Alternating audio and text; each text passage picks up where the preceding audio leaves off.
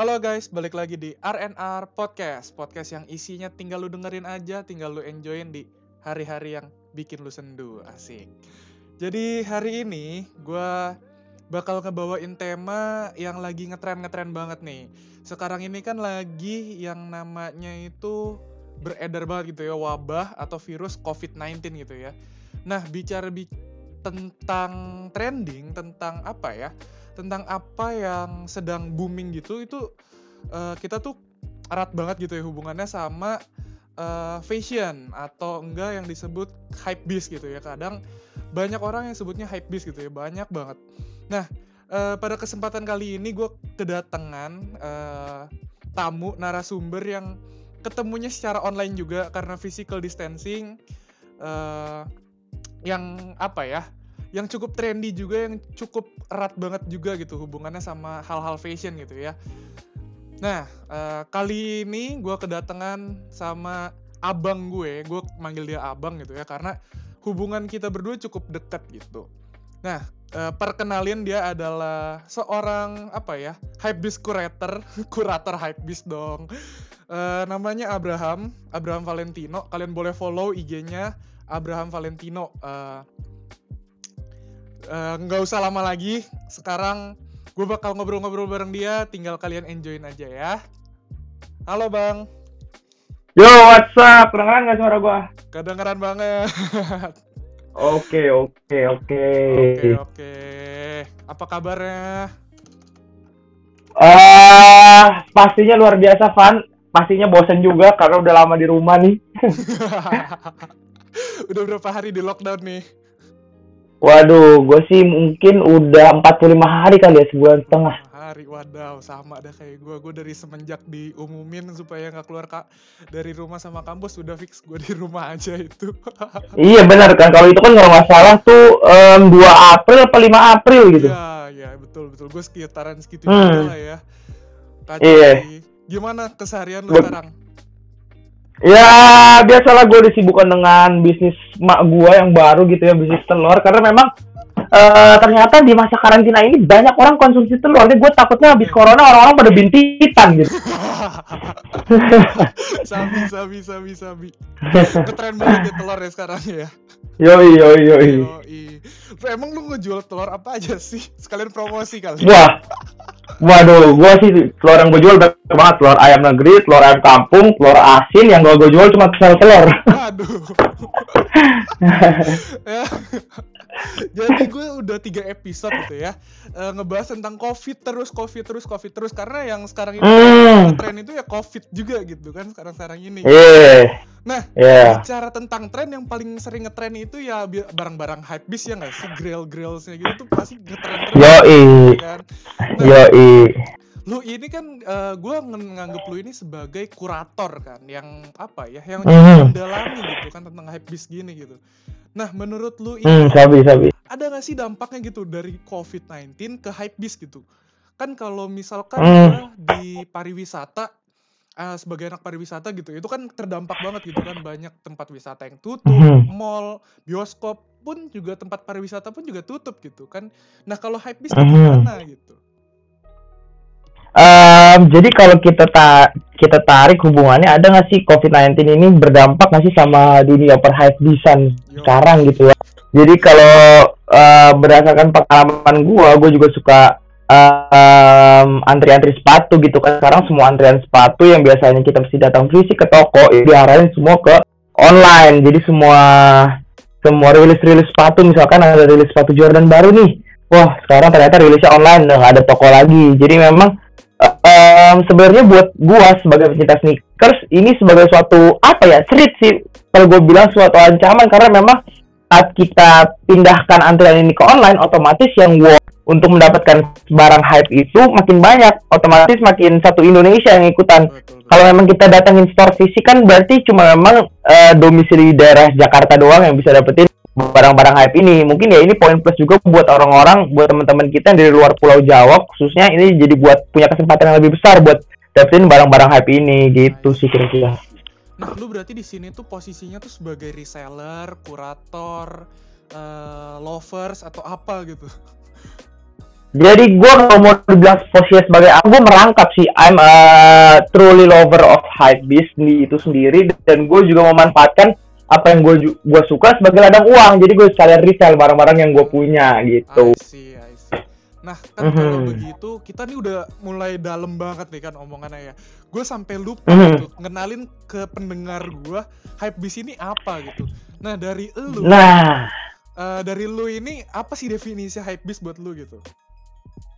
Jadi sebenarnya banyak orang yang nanya hypebeast tuh apa sih sebenarnya artinya hypebeast tuh apa sih? Ada orang yang yang foto-foto di Instagram, wih hypebeast banget sih, hypebeast banget sih kakak. Gue sebenarnya tuh rada rada jijik sama orang-orang yang ngomong kayak gitu karena mereka nggak tahu sebenarnya esensi hypebeast tuh apa. Nah, iya. Jadi kalau menurut gue pribadi, hypebeast itu a beast who wear hype brands.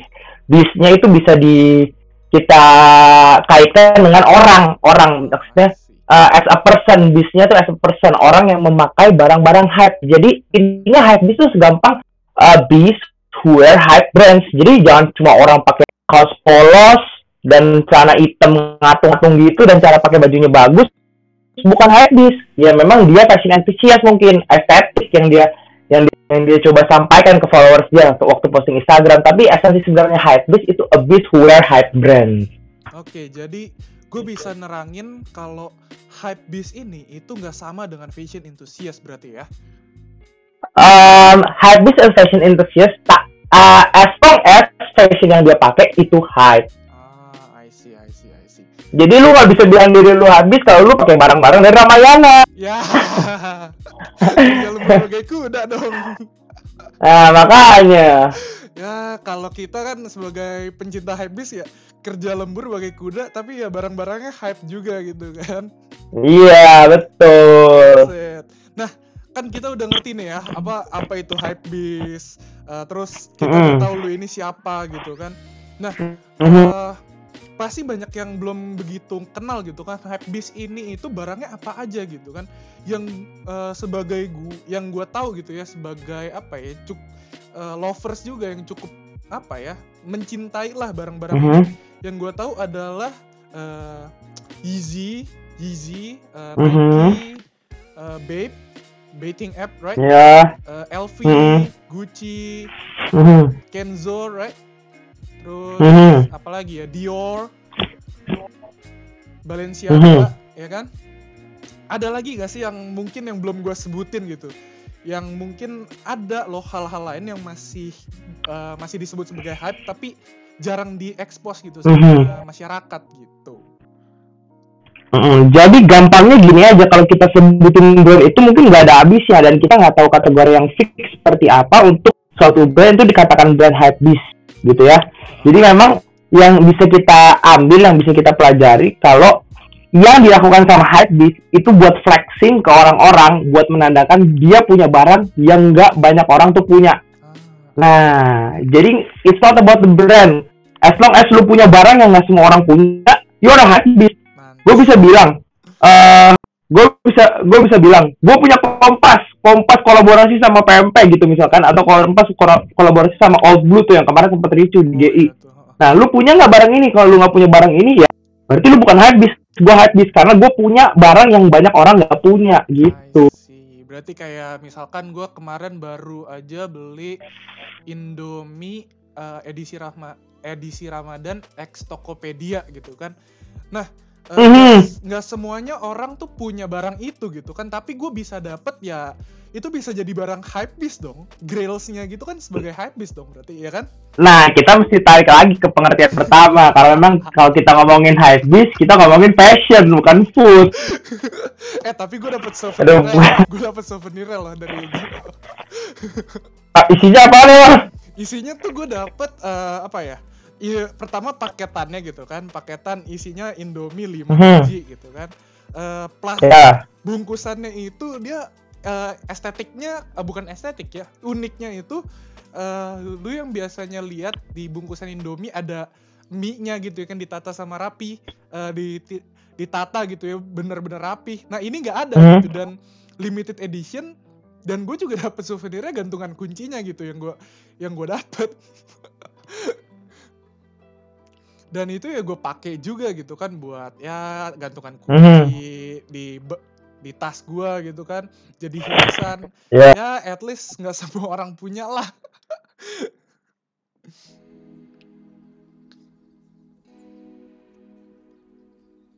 Tes yo tes.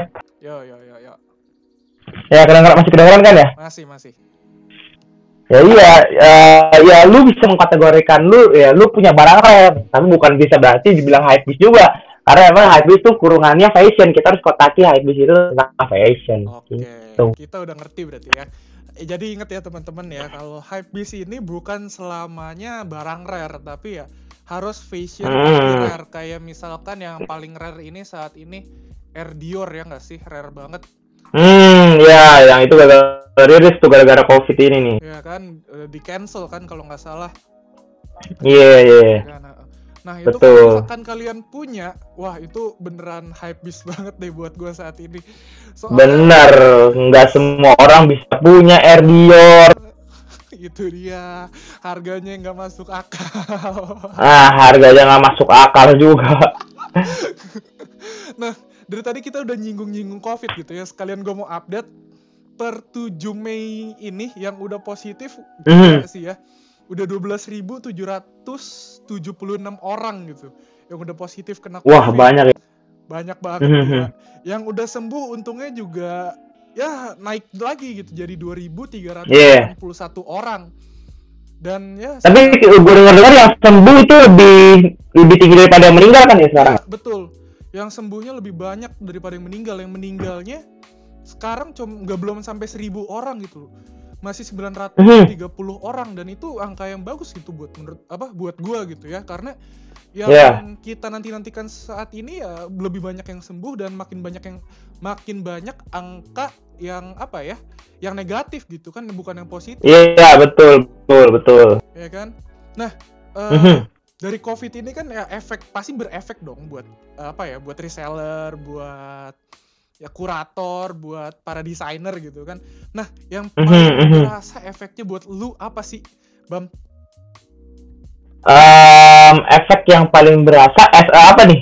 As apa ya as reseller as kurator as lo eh, fashion enthusiast gitu.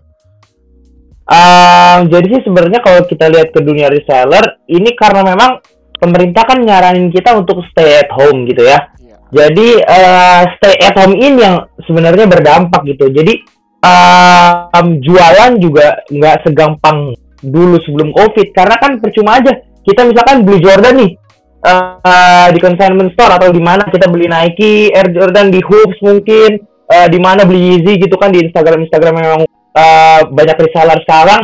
Eh, kan sama aja saat kita beli itu barangnya juga nggak bisa dipakai orang mesti stay at home. Iya, kan buat tujuan kita buat beli barang hype apa sih? Ya buat flex. Iya. supaya teman-teman kita tahu wah anjir barang lu keren banget nih gila-gila keren-keren iya. sekarang percuma orang kagak bisa nggak bisa flexing buat apa beli. Jadi otomatis eh, pikiran-pikiran orang yang kayak gitu juga nurunin omset reseller juga sih karena memang kita nggak bisa flexing saat kita udah beli gitu. Betul. bisa dilap lap doang lap doang.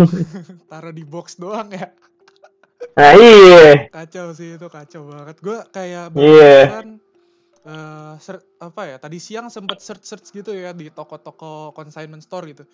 Yang gue Hmm. sangka-sangka hampir semua barang harganya turun ya nggak nggak nggak naik juga gitu. Dan iya bener sih resale value juga nurun. Iya kan marketnya pun juga ketahan semua betul nggak sih? Iya benar-benar iya kan? Yang harusnya biasa jualan Jordan markupnya bisa tinggi sekarang jadi rendah karena memang mungkin supply-nya juga udah banyak dari retailer Indonesia. betul betul gila gue nggak nyangka tiba-tiba lu ngarahin ke markup baru mau gue bridgingin ke sono Nah, berarti kan soal markup itu berarti lu itu harus mencari keuntungan dong dari hal ini gitu. Iya, Nah, berarti betul. dari cari keuntungan harus ada penjualan di mana ada penjualan pasti ada cuan gitu kan. yoi.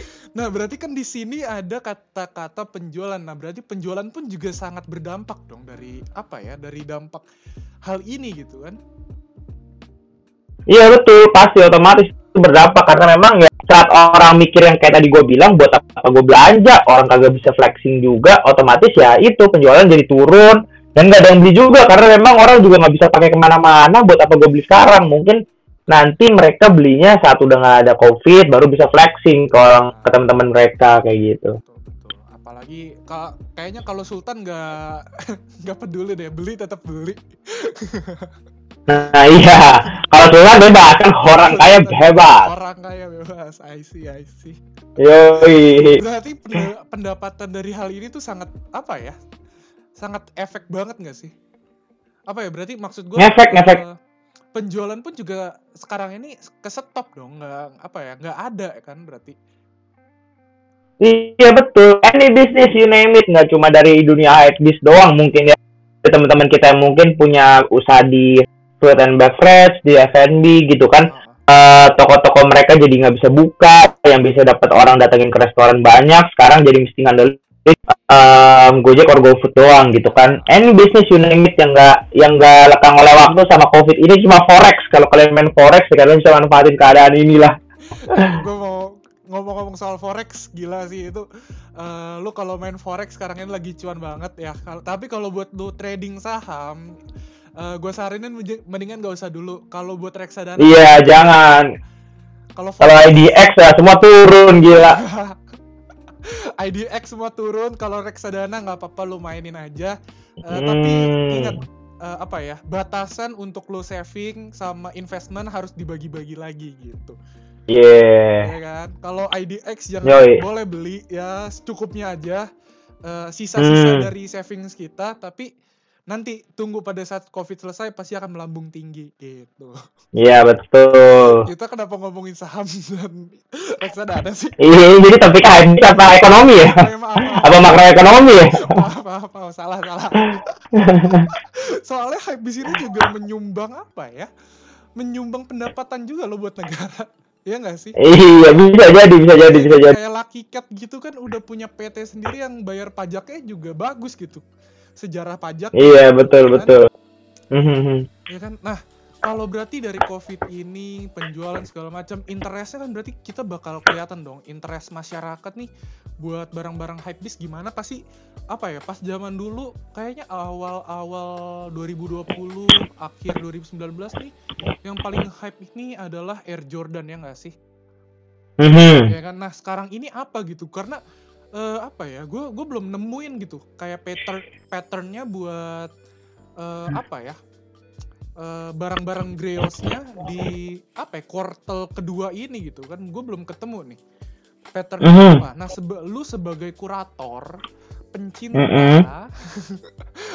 fashion enthusiast nah menurut Iya. patternnya apa sih sekarang ini di kuartal kedua bulan apa ya tahun 2020 ini Oke, jadi kalau menurut berdasarkan pengamatan pengamatan gue gitu ya di kuartal 2 ini yang gue lihat tuh kita harus lebih aware lagi sama local brand. Ah. Kalau kalau kalau kalian li kalau kalian lihat gitu ya local brand local brand sekarang itu tuh semua berlomba-lomba bikin sepatu karena memang ada pionir kita, pionir dari Indonesia, lokal brand, merek brand sepatu gitu ya, sepatu kompas kalau kalian tahu itu jadi Instagram fenomenon lah dia menciptakan satu viral marketing gitu dengan sepatu-sepatu yang mereka luncurkan. Itu tuh jadi impact ke semua lokal brand yang memang lagi main fashion. Jadi semua lagi berlomba-lomba buat buat buat buat bikin sepatu vulcanize tuh.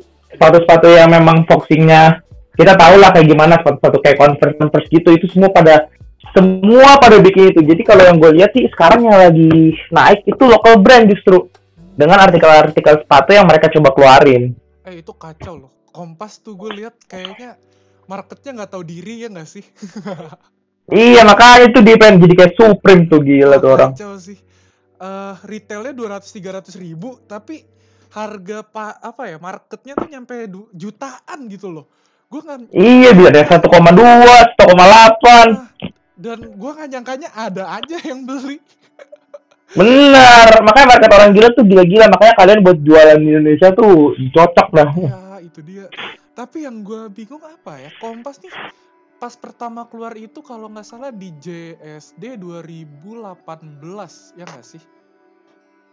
Hmm, kalau pertamanya sih gue belum, gue belum, gue gue gue gue gak terlalu ngikutin Kompas ya karena memang yang biasa gue ikutin ya brand-brand hype yang kita tahu kayak Jordan tadi lu bilang kayak Yeezy gitu kan. Ah, ah, ah. Karena memang uh, Kompas sebenarnya udah dari 1900-an lah pokoknya udah dari anak-anak generasi 90-an pasti tahu lah Kompas tapi memang baru hype-nya itu sekarang-sekarang ini gitu.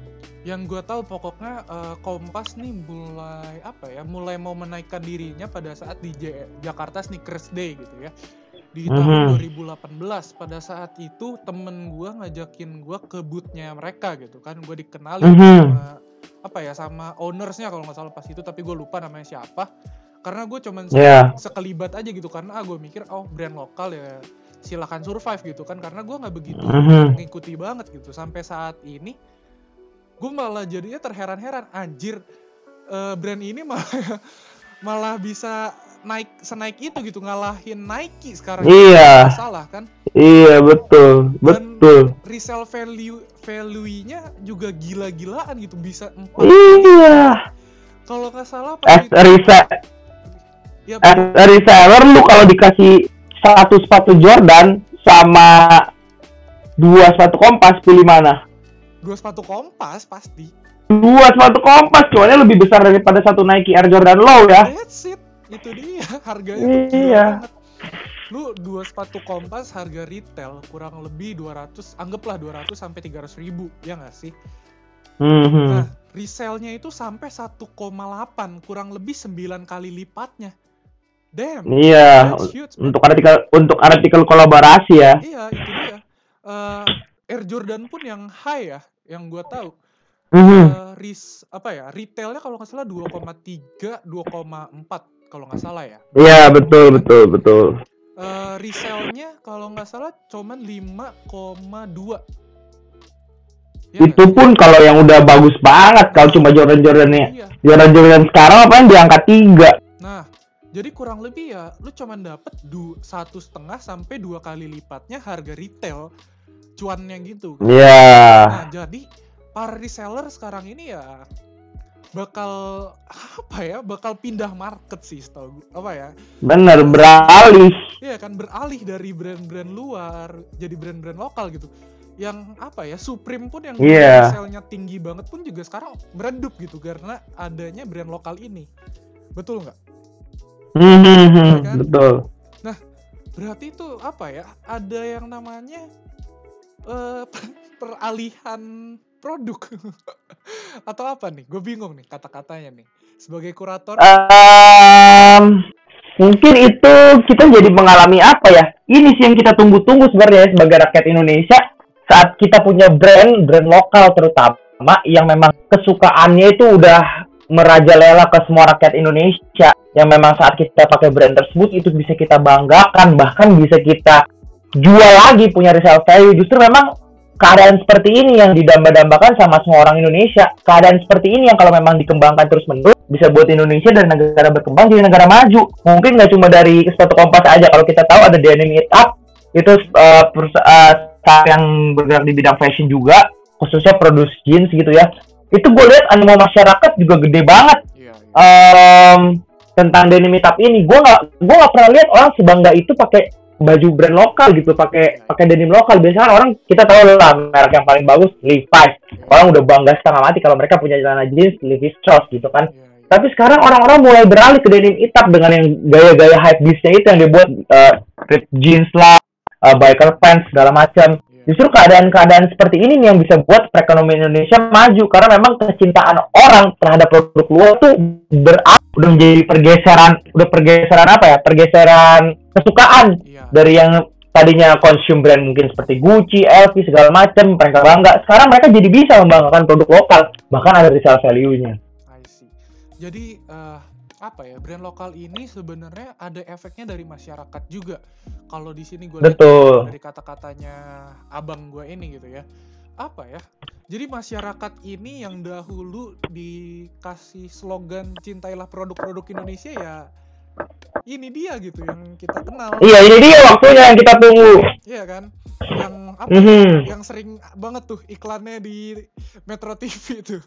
iya cintailah produk produk Indonesia gitu kan itu dia itu yang Mhm. sekarang ini lagi naik naiknya yang lagi apa yang jadi hype bisnya itu ya sekarang ini brand lokal gitu di Ya, betul. luar gitu kan ter yang Mhm. Supreme pun yang apa ya yang pertama kali kayaknya yang gue kenal ya barang hype itu yang paling hype itu ya Supreme ya nggak sih?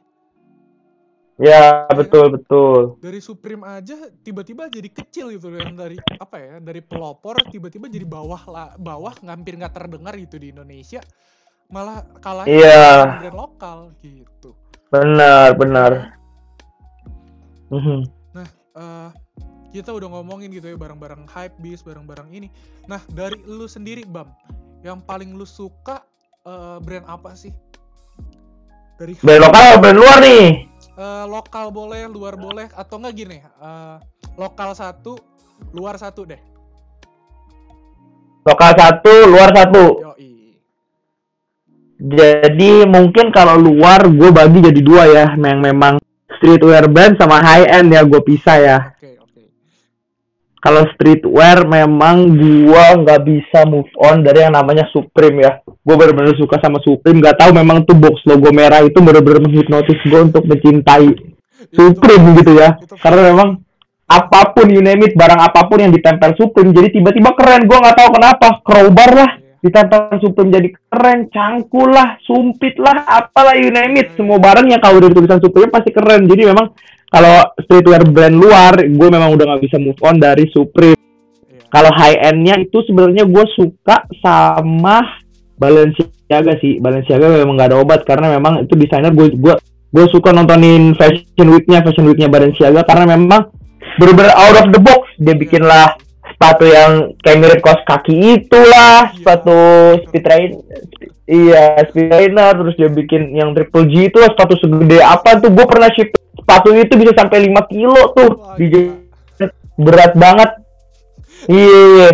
Jadi kalau high end tuh gue suka Balenciaga. Kenapa? Itu Balenciaga tuh beratnya mirip ini men, safety shoes kalau gua di kitchen men, gua lagi praktek masak di kitchen. Nah kan, gila sih. Seberat itu men. Kalau apa ya? Iya. Anak perhotelan pasti bakal relate gitu sama anak apa ya? Sama sepatu sepatu berat. nah itu mungkin kalian bakal lebih ngerti lah Iya. eh, ngerasain dead shoes-nya Triple S kayak gimana. Iya sih parah sih. Nah kalau dari brand kalau dari brand lokal sendiri memang ya Kompas is a great is a great brand sekarang ya walaupun eh memang banyak nih yang mau yang mau copycatin Kompas. Gue lihat tuh di Instagram ada sepatu kampus lah, ada sepatu kampus lah, ada sepatu campus lah. Banyak banget yang niruin. Jadi memang role model seperti itu yang buat gue juga suka eh, sama brand Kompas, khususnya buat eh, brand lokal Indo ya. Iya, iya. Buat gue juga ya, kalau buat gue ya, brand luar apa ya? Kayak kalau misalkan streetwear gue suka off white ya, nggak tahu kenapa ya. Off white tuh gimana ya? Mhm. Gue masih bingung gitu. Off white nih antara streetwear atau high end wear nih. Soalnya dibilang Jadi memang Heeh. Jadi memang itu eh, secara khusus ini brand streetwear, tapi desainernya sendiri udah di hire sama high end, gitu. Iya. udah pindah ke LV desainernya. Jadi ya begitu bau bau, bau off white mungkin udah pergi karena desainernya udah dia di high end. Suara lu kecil, sorry sorry. Tiba-tiba jadi kecil. Cek, cek. Sekarang Masih masih kecil, masih kecil. wait ya. Oke, sekarang udah. Nah, um, iya jadi memang seperti yang kita tahu kalau memang desainer brand Off-White yang memang streetwear dulunya sekarang sudah beralih menjadi desainer brand luxury yaitu LV seperti yang sama kita tahu Virgil Abloh yang memang uh, founder of White itu sendiri udah di hire sama LV buat bikin beberapa artikel dari uh, Louis Vuitton khususnya uh, menswear ya. Jadi memang sekarang mens, semua menswear yang diproduksi sama LV itu yang produce Virgil Abloh yang di mana memang founder of White gitu. Jadi memang ada agak-agak rancur sebenarnya Off White itu brand streetwear apa brand high end gitu.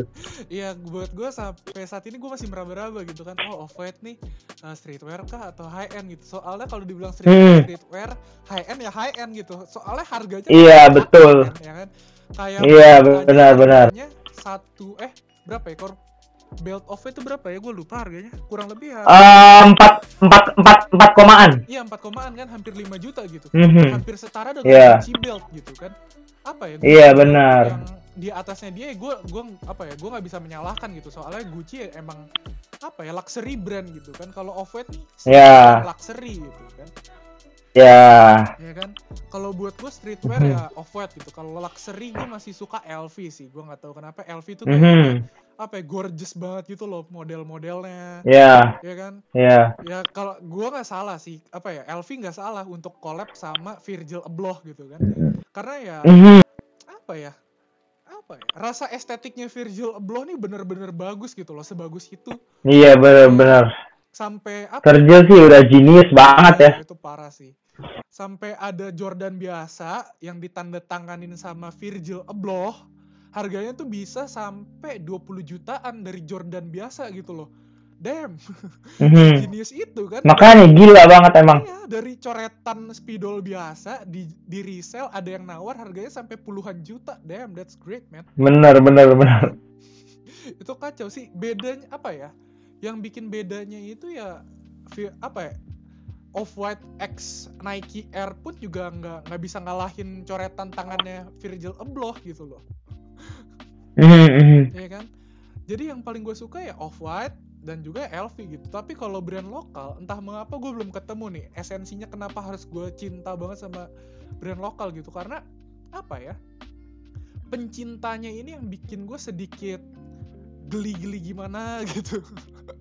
gue gak menyalahkan sama yang pencintanya gitu ya. Tapi ada beberapa oknum yang apa ya mendiskreditkan brand ini gitu. Jadinya sedih membuat brand ini apa ya namanya tercoreng gitu kayak Kompas pas Mhm. rilis XPMP yang eh satu darahku ya kalau eh satu darah ya Iya darah darahku biru. nah nah darahku biru yang pas di Grand Indonesia ya kan apa di Iya. ya, ya di Grand Indonesia itu sampai di cancel Di GI. ya di GI kan sampai di cancel itu kan berarti ada something wrong sama apa ya sama para antriannya ini dong sama apa ya para pengantri Mhm. ada yang salah dong Iya. berarti itu kan secara nggak langsung mencoreng nama baiknya brand ini gitu kan kayak oh gue pencinta Mhm. brand ini pencinta gitu kan gue harus banget dapet tapi kalau misalkan lu rusuh apa ya jadi mengurangi val- value-nya gitu. Value value value. Iya. ya kan? Nah kalau menurut lu gimana bang? Mhm. Kan pernah ada kasus itu. Apa sih pandangannya dari dari lu gitu? Ya, jadi karena memang demand yang begitu tinggi terhadap sepatu kompas ini, itu membuat eh, para para fansnya, para para customernya itu nggak bisa mengendalikan diri. Karena apa? Karena memang kesalahannya kompas sendiri, dia membatasi supply mereka. Jadi demandnya udah melonjak-lonjak nih, udah berapi-api, udah berkobar-kobar, udah banyak banget demandnya, tapi supply-nya dia batasi. Jadi ya memang hal-hal seperti itulah yang akan terjadi ketika demand tinggi, tapi nggak bisa dipenuhin sama supply yang ada gitu mungkin ini juga trik marketing yang dibuat Kompas karena kan memang UUD ujung-ujungnya duit Kompas tahu lah cara cari duit kayak gimana dia pasti nahan supply dia supaya memang brand dia ada di atas terus nih. Benar-benar dicari orang dicari orang. Oh carinya susah carinya susah. Nah karena memang dicari susahnya ini eh, yang membuat brand sepatu Kompas itu jadi ada resale value dan jadi cari-cari orang jadi hype juga. Ya kita harus hargain juga memang dari Kompasnya sendiri karena memang ya udah men. Ujung-ujungnya duit. It's all about cuan. Cuan is life gue nggak pernah bisa menyalahkan cuan sih. Kalau cuan ya gue, gue sebagai anak pariwisata yang suka apa ya, brand enthusiast juga gitu kan, kayak hype enthusiast juga. Gue juga cari cuan gitu. Gue sebagai apa ya? Ya pernah bergerak di bidang reseller pun juga, gue juga cari cuan ya nggak sih? Mhm. kayaknya sampai ke Nah, kan Kompas juga melakukan hal yang sama. Iya. Eh, itu nggak salah. Buat gue, buat kami para reseller pun juga itu bukan hal yang salah, betul nggak? Mhm. Iya kan? Nah, jadi kalau hal itu sebenarnya apa ya? Dibilang eksklusif ya harus eksklusif gitu, tapi ada Mhm. baiknya apa ya? Bisa memberikan kelegaan buat para fansnya gitu. Dibandingkan mereka antri kayak Mhm. begitu buat kericuhan, mendingan kayak apa ya? Antrian Yeezy nggak sih? Eh, intinya sih kalau Kompas banyakin nggak bakal terjadi seperti seperti yang kayak di GE sih. Tapi gue lihat sekarang juga Kompas terus berbenah diri, dia terus makin perbanyak supply yang dia punya. Ini kalau kita perhatiin ini sekarang ini lagi lihat sepatu Kompas nih yang seri gagal di di Tokopedia gitu ya. Gue lihat dari Instagram sepatu Kompas. Jadi memang udah seminggu ini dari tanggal 2 sampai tanggal 8 itu rilis Kompas secara online seluruh Indonesia. Jadi buat kalian yang memang mau dapetin juga di sepatu Kompas bisa pantengin Instagramnya sepatu Kompas. beli di Tokopedia dan itu pun cepet-cepetan juga karena memang yang beli banyak banget goib semua orang-orang bilang tuh sepatu goib sepatu goib karena posting abis posting abis posting abis ya kayak gitulah. Buat kalian yang ngedenger ini di tapping tanggal 7 Mei ya. Kalau misalkan kalian telat, sorry sorry banget bukan salah kita. iya. Berarti kalian kurang kurang mantau IG-nya Kompas. nah, iya benar benar. Tapi nggak apa kompas bakal ngadain terus kok kalau gue lihat. Ya pasti. ini karena yang gue lihat ini, ini turun turun turun restocknya ini itu batch udah batch ke beberapa gitu. Dia udah sempat liris seluruh Indonesia juga buat seri vintage dia seri eh Gazelle dia karena memang udah beberapa kali di restock juga jadi emang semua orang biar bisa dapat kompas gitu lah Buat kalian juga kalau nggak salah gue sering banget ketemu di Instagram itu brand namanya Bro.do ya kalau nggak salah ya. Itu bagus juga. oh iya Brodo Iya kan Brodo tuh bagus juga kok. Gue apa ya sekali lihat-lihat gitu kan katalognya, artikelnya itu nggak kalah apa ya? Itu nggak kalah saing dengan Kompas loh. Itu bagus juga gitu karena apa ya? iya desainnya yang mirip gitu kan. Eh, apa ya? Sama kayak Converse, eh, vintage style juga itu bagus kok. Gue kayak iya iya gua Heeh. temen gue pernah gua pernah tuh datengin seminarnya Brodo Heeh. Eh kalau kita kalau kita tahu brand Brodo itu kan pasti logonya apa coba Van kalau nggak salah sepatu, ayam bukannya sepatu ada lambang sayapnya ya Bukan, Brodo itu sepatu kulit. Ah, dia pertama mulai dari sepatu kulit karena memang sekarang lagi ramai vulcanize kayak yang tadi gue bilang itu. Nah, dia beralih lah ke sepatu vulcanize. Jadi dia ciptain se- seri kayak kompas gitu. Dia kayak sepatu vintage kan, ada garis-garisnya gitu kan di uh, midsole-nya kan. Iya. Mhm. Gue pernah datengin tuh seminarnya Brodo. Memang yang punya itu masih muda juga. Sebenarnya Brodo itu kan gambarnya ayam eh, logonya gitu ya. Jadi memang brodo itu bahasa gue lupa bahasa Belanda atau bahasa Eropanya kaldu ayam gitu.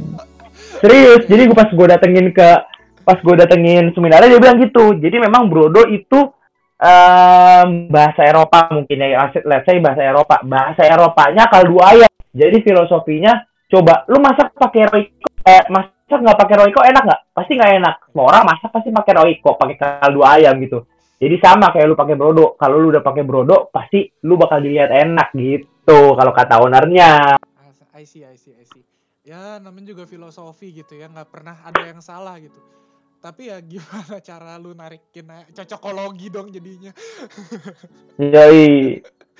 ya gitu deh pokoknya Brodo tuh juga bagus ya dari sepatu kulit gitu gue pernah lihat kalau nggak Aha. salah Brodo ini pertamanya itu apa ya target pasarnya dia itu buat para pen bikers kalau nggak salah ya Karena- Yoi. Para gentleman gentleman gitulah. Iya buat gentleman riders gitulah pokoknya yang sering banget motoran gitu di jalan ya Eh. cocok pakai sepatu brodo gitu kan buat lindungin. Benar.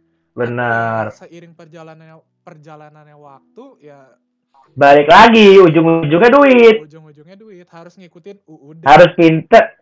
Bener, harus pinter lihat market. Market lagi doyan nih sepatu vulcanize. Makanya Brodo yang tadinya jualan satu kulit jadi ganti vulcanize karena ya UUD. ujung-ujungnya duit Yoi. kalau gue lihat ya apa ya Converse, Vans itu tur apa ya pasarnya sedikit turun dibandingkan brand-brand lokal bener nggak?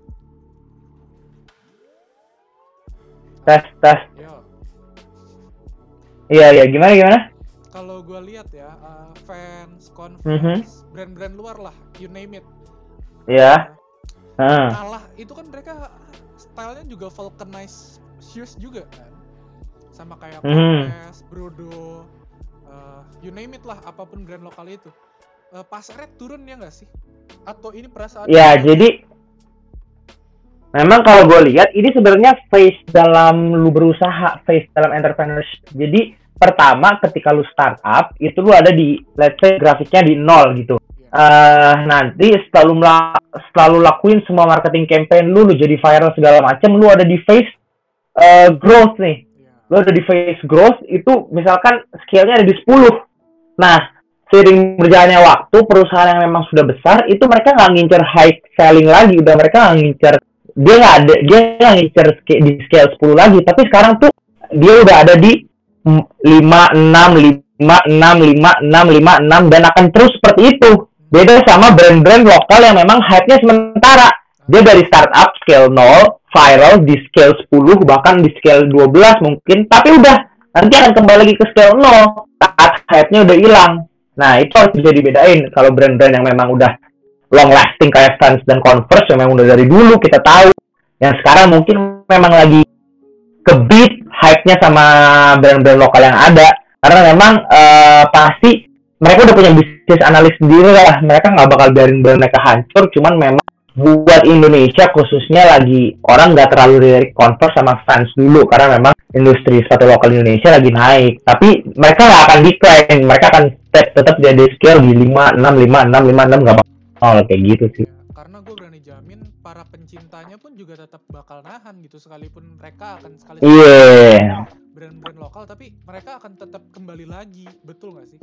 Benar, nggak bakal mau gue digoyang kalau udah pencinta Converse sama fans mah. Itu benar-benar brand brand OG karena memang kalau kita lihat sekarang uh, sepatu-sepatu lokal ya kiblatnya ke sana semua. Desain-desainnya ada mirip-mirip fans lah ada yang mirip Converse lah nah bicara bi bicara tentang kemiripan ya. Kalau nggak salah gue sempat baca di USS Fits uh, fans sama Converse gue nggak tahu mereka kerjasama atau enggak pokoknya yang gue baca brand luar ini sedikit apa ya menin mengintervensi kayak apa ya uh, yeah. menuduh kalau Kompas itu ngikutin apa ya trademarknya si fans gitu yang ada garis yeah. ada apanya gitu gue nggak tahu jelasnya gimana pokoknya mm -hmm.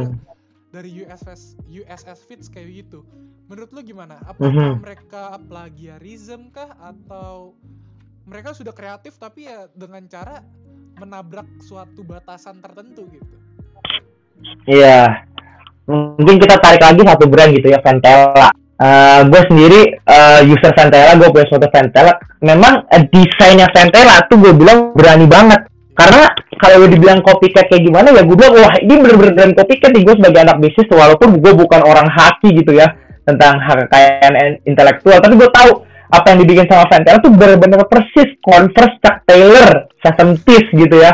Sama banget bener-bener cuma diganti sama heel padnya Ventela terus sama um, main logonya itu jadi jadi jadi Ventela tapi semua dari dari bentuk sepatu, shoe structure gitu kan, dari laces, dari toe nya itu bener-bener ngikutin Converse 70. Ada artikel dia tuh yang uh, yang klasik klasik 70 tuh. Ventela klasik 70 bener-bener sama kayak Converse Chuck Taylor gitu. Jadi memang uh, waktu itu sempat kalau memang si fansnya tuh nuntut nuntut si Ventela supaya nggak uh, supaya nggak bikin artikel yang bener-bener mirip lah. Terus kalau kita lihat di Ventela Public juga itu bener-bener jazz sama kayak jazz fans. Iya, betul. bener-bener beda bener-bener ya 60% lah. Dan yang gue tahu sebagai anak bisnis gitu ya kalau untuk melanggar melanggar kekayaan intelektual di Indonesia itu lo nggak boleh lebih dari 30% kesamaannya. Kalau udah lebih dari 30% uh, si brand yang merasa dirugikan ini boleh nuntut lo kalau lo udah menyamai um, kesamaan lebih dari 30% gitu. Jadi memang hal ini tuh nggak baru pertama terjadi di Indonesia. Yang pertama tuh kemarin udah pernah terjadi sama World Division X Revenge X Storm. Oh. yang mereka tuh duelnya kalau lu tahu tuh Van Revenge X Storm yang brandnya petir Nah itu sempat nuntut juga tuh World Division brand dari Bandung, bikinnya petir-petir juga. Iya, iya. Tapi ya sam, sam benar Samuel somehow uh, Real Fans sendiri itu sebenarnya juga niru fans. Nyadar nggak lu? Dia cuma ganti, ya, dia cuma ganti jazz track, dia cuma ganti jazz tracksnya dia doang sama petir. Betul, betul, betul. Mm -hmm. Untungnya. Jadi dia niru fans. Ya. Kenapa? Enggak, enggak. Coba lanjutin dulu. Iya, jadi dia niru dia niru fans berber shoe structure semua fans punya deh tuh Revenge X-Storm.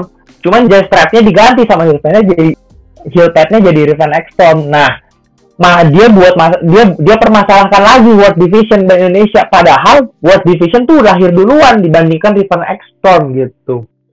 Ya, namanya juga perang dagang kita nggak pernah apa ya kita nggak pernah bisa salahin gitu karena sebelum yeah. kalau misalkan brand ini tuh udah tua banget gitu ya. Kita nggak bisa tahu nih siapa yang pertamanya. Tapi kalau misalkan lu masih baru-baru kayak World Division sama Revenge Revenge Extreme ini sebenarnya mestinya yang menang itu ya World, World apa World Division gitu. Tapi kita nggak pernah tahu. Iya, Apa- benar. kekuat sa- apa ya masing-masing punya kekuatannya sendiri gitu. Kita nggak tahu kekuatannya World Division apa kita nggak pernah tahu kekuatannya Revenge Extreme apa. Soalnya sekarang ini pun juga Iya.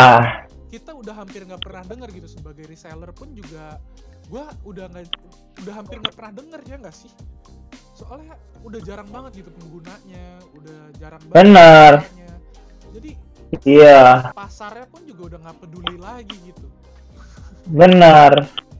ya kan nah Mhm. kalau misalkan ngomongin fans tadi sama Ventela yang gue tahu Ventela ini yang nyiptain correct me if, if I'm wrong itu Dokter Tirta betul nggak Ah, bukan. Jadi yang nyimpen Ventela, ya Mas Ventelanya ini. Ventela tuh nama belakang dari foundernya. oke Seperti itu. Gue lupa namanya siapa, cuman memang Ventela ini marga dia gitu, family family name-nya si ownernya. Siapa siapa namanya Ventela gitu. Kalau Dokter Ti- Tirta, si MO-nya doang lah, Chief Marketing Officer-nya Ventela. Walaupun nggak official. Karena memang dia kurator yang dipercaya sama orang-orang, jadi orang-orang dengerin apa katanya Dokter Tirta gitu. See. jadi kayak Dokter Tirta ini sebagai brand ambassador dalam tanda kutip Ya, dalam tanda kutip Iya. gitu. yang gue tahu pokoknya eh, Dokter Tirta ini gencar banget buat marketingnya si Ventela ini makanya gue Iya.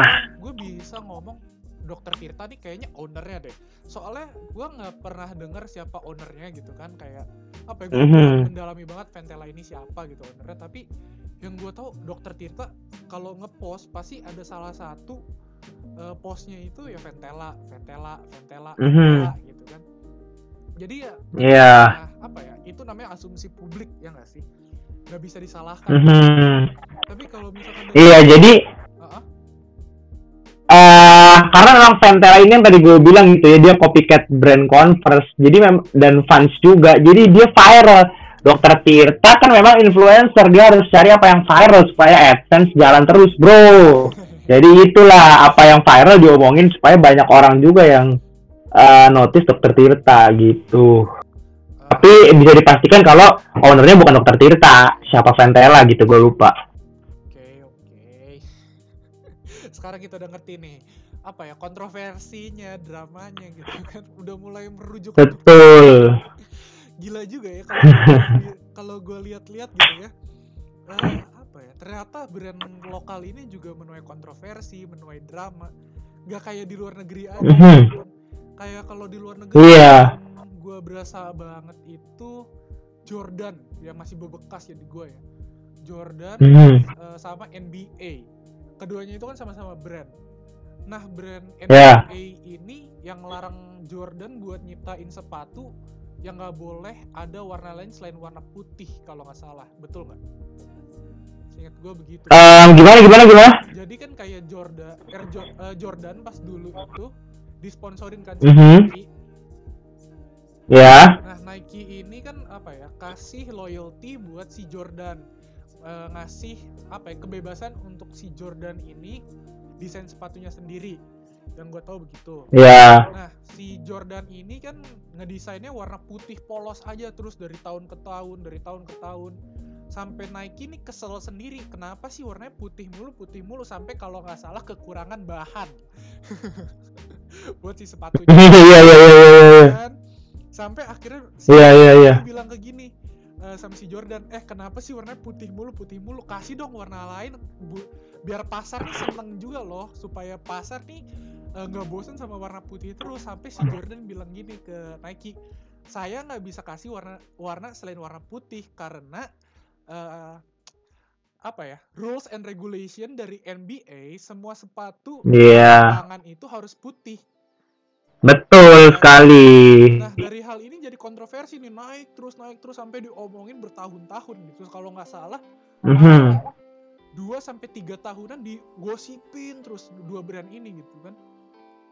Soalnya NBA Ya. ini sangat berasa banget gitu di Amerika, ya kan Eh, olahraga Ya. yang paling sangat di apa ya digemari sama warga warga Mhm. warga masyarakat Amerika gitu kan Iya. sampai sekarang ini pun hype-nya terus-terusan gitu kan sampai akhirnya Iya. Nike pun nge- apa ya membelot juga kepada si Jordan kepada si NBA gitu dikasihlah Iya. warna-warna lain gitu di sepatunya si Jordan ini Jordan. ya kan begitu mau masuk lapangan si Jordan sepatunya dituker dikasih bilangnya nggak ada warna lain selain warna ini padahal udah di restock gitu tapi dikasihlah warna lain sampai masuk lapangan ditahan lah sama uh, federationnya eh lu nggak boleh masuk lapangan Iya. karena uh, sepatunya ada warna lain selain warna putih dan Betul. terus gitu kan sampai apa ya sampai akhirnya uh, tahun berapa gitu gue lupa pokoknya keputusan itu dicabut gitu dan ber- yang hal yang sama terjadi juga di Indonesia gitu kan kayak brand-brandnya Mhm. ada yang saling tuduh-tuduhan antara sa- satu sama lain gitu kan eh itu punya gue lu ngapain ngambil-ngambil segala macem sebenarnya kalau ditarik sejarahnya sama. Nggak pengen ada yang melanggar garis-garis batas brand-brand tertentu. Tapi kan kita nggak pernah tahu ya. Iya. gitu. Bener. ya kan?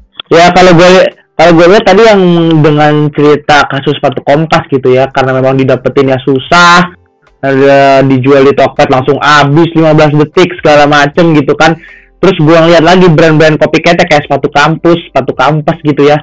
Itu mereka berani tulis di bio Instagram mereka itu eh, kami lahir dari keresahan gitu wah. Ya jadi memang bener juga sih. Karena keresahan masyarakat nggak bisa dapet dapetin sepatu kompas ya hadirlah sepatu kampus hadirlah sepatu kampas gitu kan. Karena memang brand-brand tersebut lahir dari keresahan yang mereka rasakan gitu di sepatu kompas. Mereka nggak bisa dapetin sepatu kompas ya udah gue bikin aja sendiri nah akhirnya ya kayak begini juga eh, jadi polemik jadi masalah dalam masyarakat tentang ngomongin-ngomongin yang copycat kayak begini. Karena untuk survive di bidang bisnis adalah bagaimana lu lahir dari keresahan di masyarakat pertama ya nggak sih? Itu ya i kalau yang gua gua kan sebagai bisnisman juga gitu ya kan karena gue juga cukup bergerak di bidang bisnis gitu kan kayak ngebantuin bokap segala macem gitu kan pendapatan juga hmm. dari bisnis juga gitu kan ya pertama caranya lu untuk survive ya gimana caranya kita inovatif gitu. Dari hal inovatif ini dilihatnya dari mana ya? Dari keresahan masyarakat gitu. Iya. Buat brand-brand lokal lain pun yang katanya copycat ini ya mereka sebenarnya nggak salah bener nggak? Hmm, ya baik lagi. Masyarakat eh eh, para pelaku bisnis khususnya entrepreneur entrepreneur ini ya mencoba untuk cari gap. Yang gap mana sih yang bisa diisi yang bisa gue isi supaya bisa ngasilin gue duit ya ternyata dari eh membuat ulang ya. merekayasa satu kompas seperti itu. dan hal itu nggak ada yang salah ya teman-teman ya karena eh, Mhm. mereka itu tidak meniru tapi mereka lahir dari keresahan sebenarnya meniru yang meniru tapi apa ya itu inovatifnya mereka dan itu bukan hal yang salah jadi Hmm, siapa suruh kompas nahan supply? ya, itu dia itu bukan salahnya kompas juga karena kompas kan namanya juga cari hype gitu kan cari rare Iya. rare apa ya namanya ya rare produknya mereka gitu kan karena oh coba Mhm. sekian sekian sekian ya orang orang-orang bakal mikir wow it's limited edition man no one apa ya not everyone can can apa ya can have it gitu kan Ah. jadi Iya. jadi ya itu kayak sebuah peluang dari kompasnya gila men kalau misalkan gue buat apa ya kayak contohnya eh, mobil apa ya mobil Bugatti tahun berapa gitu. Pokoknya dia sempat ngeluarin brand apa Bugatti sempat ngeluarin tipe mobil tapi terbatas banget. Cuman ada eh, kurang lebih seribu di dunia men damn. Iya. marketnya tuh setinggi itu gitu bisa naiknya harga resellnya pun tinggi banget gitu dan Mhm. pelajarin juga sama Kompas gitu loh karena apa ya eh, balik lagi gitu uh, masyarakat nih pengen flex pengen pamer ke semua orang karena itu yang ada di dalam dirinya masyarakat gitu Mhm. kayak contohnya lain misalkan Lamborghini Mark II LM2 ya itu cuman ada dua Mhm. dunia harganya men 14 triliun satu Wah gila. 14 triliun satu dan satunya nggak dijual. Yang satu punya Lamborghini yang satu udah dibeli sama orang. Dan ada yang Mhm, jual mhm. 14 triliun. Dan itu hal yang nggak salah buat dilakuin sama Lamborghini gitu ya. Berarti ya, Iya. Mas pun juga nggak nggak bisa disalahkan atas hal ini. Karena mereka ya sebagai pencipta sebagai penjual sebagai distributor ya bilang aja oh saya nggak punya bahannya habis segala macem. That's it. Mereka nggak salah Mhm. ya kan? Karena apa ya? Artikelnya pun misalkan mereka mau bilang oh gue cuma keluarin artikel seribu. Ah lu bisa kan bisa bikin banyak. Tapi kan ini namanya colla- collaboration segala macam gue udah punya kontrak misalkan seribu cuman bisa keluarin seribu ya udah seribu gitu kan. Tapi kan kita nggak pernah tahu di belakang kayak gimana gitu. Iya betul. ya kan? Gila nggak berasa udah hampir sejam men kita ngomongin beginian. Iya.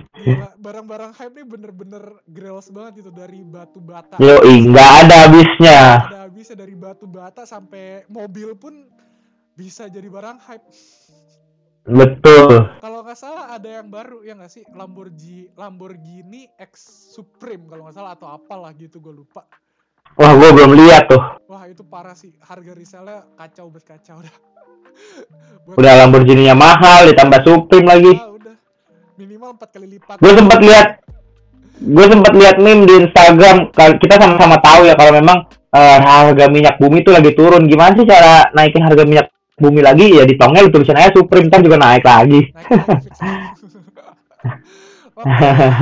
satu jam gila gak berasa banget. Thank you banget waktunya buat Abang Abraham Valentino Salibana. Asik. Yoi, alright.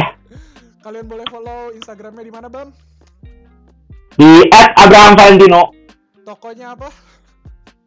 Tokonya boleh dilihat-lihat House of Salvaggio ya teman-teman. It's a local brand. We should proud wearing locals, you know. Yoi. Eh, consignment store-nya kalau salah juga ada kan? Wah ada juga teman-teman kalian bisa search di @setboys.id bisa request gitu kalian mau dicari barang hype apa dan jadi hype beast gitu kan tenang aja langsung chat line officialnya nanti kita balas teman-teman Still deals banget asli. Gue pernah pernah beli kalau nggak salah. Oh, ini sling eh bukan sling bag apa ya namanya? Gue lupa. Apa, Bam? Eh, eh Beb punya eh apa tuh gue lupa. aduh apa juga ya namanya itu lupa gue ya slingback lah slingback babe lah Gitulah, itu still deals banget men gue dapet di bawah harga pasaran gila. di bawah harga Tokped gila gila. Tokped yang udah di bawahnya lagi. Dan ini barangnya Yoi. original men. Authentic men. Yoms Kalian harus check it out secepatnya karena barangnya co eh, limited stock juga ya nggak sih?